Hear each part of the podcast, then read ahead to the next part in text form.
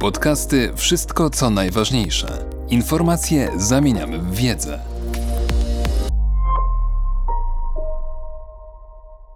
Jan Rokita. Zeszyty Kaczyńskiego. Nawet najbardziej propaństwowa partia i premier wizjoner nie wyleczą tej okropnej choroby, jaką jest strategiczna impotencja państwa polskiego. Jarosław Kaczyński dzielił się kiedyś szczerze doświadczeniami nabytymi podczas pełnienia urzędu premiera. Było to dawno, przeszło dekadę temu, w okresie tzw. Tak pierwszych rządów PiSu. Ówczesny szef rządu opowiadał wtedy o różnych, nazwijmy je tak, instytucjonalnych kłopotach, na jakie natrafił jako premier i o sposobie radzenia sobie z nimi. W pamięci utkwiła mi najmocniej opowieść Kaczyńskiego o służbowych relacjach z jego ministrami. Otóż podczas spotkań z członkami rządu wyznaczał im zadania i wydawał polecenia, ale z czasem zorientował się, że podczas następnych spotkań nie pamięta już wielu spośród własnych dyspozycji, więc nie jest w stanie sprawdzić, czy i w jakim stopniu zostały one wykonane. Wpadł więc na racjonalizatorski pomysł, który miał mu umożliwić bardziej spójne planowanie polityki i jej późniejszą ewaluację. Postanowił mianowicie założyć zeszyt dla każdego z członków rządu, w którym osobiście odnotowywał wydane dyspozycje. To oznaczało przełom w zdolności premiera do strategicznego planowania polityki. Wątpię, co prawda, czy zeszytowa reforma Kaczyńskiego przetrwała czasy jego następców, ale całkiem serio uważam, że powinna ona być opisywana w podręcznikach Good Governance jako specyficznie polski wariant instytucjonalnego wzmocnienia centrum rządu. Zeszyty Kaczyńskiego były pragmatyczną odpowiedzią na palącą potrzebę stworzenia mózgu państwa i jego pamięci instytucjonalnej. Planowanie polityki wymaga sterowności państwa, a sterowność państwa to nic innego jak dobrze zbudowane instytucje. Opowieści, że jacyś propaństwowi politycy są w stanie siłą woli przełamać tę zależność, należy między bajki włożyć.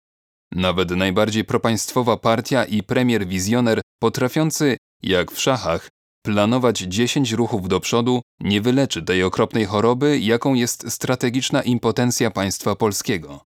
Jej źródłem bowiem nie jest ani liberalna, czy jakakolwiek inna ideologia, jak chcieliby niektórzy najbardziej zagorzeli krytycy ćwierćwiecza niepodległości, ani też nie są nim jakieś charakterologiczne cechy polskich polityków, którzy ponoć celowo unikali suwerennego formułowania państwowych strategii, gdyż wyczekiwali na instrukcje przychodzące z Berlina albo Brukseli. Tego rodzaju teorie, głoszone nie tylko przez partyjną propagandę, ale rozpowszechnione także w prawicowo zorientowanych kręgach intelektualnych, należą do gatunku politycznych przesądów, których siła rażenia wzrosła ostatnio nie tylko w Polsce, ale i w całym świecie demokratycznym. Państwo polskie jest niezdolne do planowania strategicznego jedynie dlatego, że w samym rdzeniu władzy ma wadliwie zbudowane instytucje. I w efekcie nawet najmądrzejsze strategie państwowe pozostają kawałkami papieru, a realna polityka bywa wynikiem zbiegów okoliczności albo po prostu chaosu i przypadku. Niezłym tego przykładem jest powstały w 2012 roku tzw. Tak raport Boniego Polska 2030 Trzecia fala nowoczesności, który odważnie i ciekawie zdefiniował istotną część wyzwań i ryzyk, które stają dzisiaj przed Polską. Ale ponieważ w państwie nie było instytucji, której misją byłoby wdrożenie jego zaleceń, stał się tylko zapomnianym świstkiem papieru. Ironii dodaje w tej historii fakt, że ów raport w okrojonej i ugrzecznionej wersji został nawet uchwalony przez rząd Tuska, a w uchwale tej można znaleźć passus, iż w ciągu sześciu lat urzędowania tego premiera nie wdrożono całościowych mechanizmów poprawy efektywności rządzenia. Samokrytyka tyleż zaskakująca, co politycznie bezużyteczna. Trzy kardynalne funkcje państwowej egzekutywy przesądzają o tym, czy jest ona zdolna do efektywnego planowania polityki. I każda z tych funkcji wymaga dobrze zbudowanych instytucji, które dopiero w całości składają się na mózg państwa. W tej triadzie pierwsza jest funkcja programowania prac rządu, czyli opracowywanie najistotniejszych dla aktualnej większości rządzącej polityk publicznych.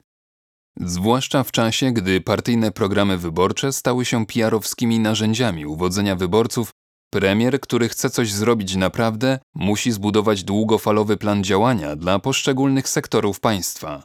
Ale tak rozpracowane polityki, jeśli nie mają stać się fikcyjne i papierowe, wymagają ciągłej ewaluacji ich efektów. To zaś oznacza, że premier winien dysponować profesjonalnymi instytucjami kontroli zarządczej i audytu wewnętrznego.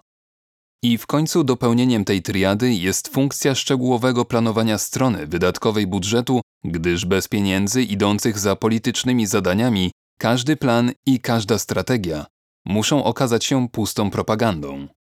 W każdym większym europejskim państwie instytucje wykonujące te trzy funkcje kardynalne tworzą sam rdzeń władzy. Ubrany na zewnątrz w kształt Prime Minister's Office 10 Downing Street, kancleramtu czy Le Palais de l'Élysée. Powiedzmy tę rzecz jasno i dobitnie, bo chyba ciągle mało kto zdaje sobie z niej w Polsce sprawę.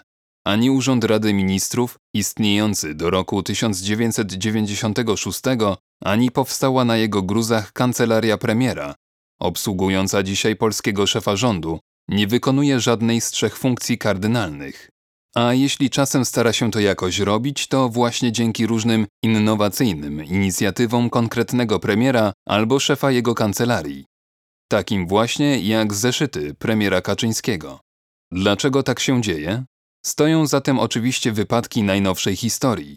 Kiedy w 1989 roku wolna Polska odziedziczyła dawny aparat władzy, z dnia na dzień odcięła odeń istniejący w czasach komunizmu mózg państwa, który tworzyła potężna centrala PZPR na rogu Alei i Marszałkowskiej. To tam przez niemal pół wieku zajmowano się skutecznie programowaniem, ewaluacją i finansowaniem polityk państwowych, a rząd służył tylko do formalnego administrowania. Ta straszna wyrwa, która pozostała po nagłej ekstrakcji politycznego rdzenia państwa, nigdy potem nie została zasypana. I jeśli jakiś stan rzeczy w Polsce zasługuje na określenie mianem postkomunizmu, to właśnie stan owej wyrwy, która jest przecież bezpośrednim skutkiem komunistycznej przeszłości. O ile w latach 90. zdarzali się jeszcze politycy świadomi tego problemu, np. minister Michał Kulesza, o tyle dwie partie nowego typu, PO i PiS, które zdominowały politykę XXI wieku, straciły na tym polu wszelkie zainteresowanie. Na dodatek PO została obciążona radykalną dezynwolturą swojego przywódcy wobec wszelkich kwestii związanych ze strategicznym planowaniem i organizacją państwa. Na PiSie zaś ciąży powszechny w tej partii postsarmacki styl myślenia, w którym instytucje państwa to raczej obmierzłe przeszkody w prawdziwym działaniu dla dobra Polski. Zatem stosowną wobec nich metodą postępowania jest raczej podbój niźli reforma, przez chwilę można było mieć wrażenie, że jakąś nadzieją jest premier Morawiecki. Wskazywała na to zawarta w ekspoze zapowiedź budowy premierowskiego Centrum Analiz Strategicznych, a wiadomo, że bez zaplecza analitycznego oraz instytucjonalnej pamięci państwa rdzeń władzy nie jest możliwy do odbudowania. Dziś jednak już widać, że CAS, kierowane przez znawcę historii Piłsudczyków i nieudanego kandydata na posła, nie odegra istotnej roli. Tym bardziej, że jego szef na pierwszej konferencji prasowej zajął się nieoczekiwanie domorosłym analizowaniem nastrojów elektoratu PiS. Dla etatysty Morawieckiego planowanie jest niemal słowem zaklęciem, a o jego brak każdego dnia oskarża poprzednie rządy. Tyle tylko, że dla Morawieckiego zafascynowanego, co sam przyznaje, teoriami ekonomii strukturalnej w wydaniu chińskiego ekonomisty Justina Yifulina Planowanie strategiczne oznacza raczej pewien model podejścia do ekonomii, wedle którego to politycy wybierają sobie gałęzie gospodarki, a nawet konkretne firmy po to, by je finansować z publicznych pieniędzy albo wręcz nacjonalizować.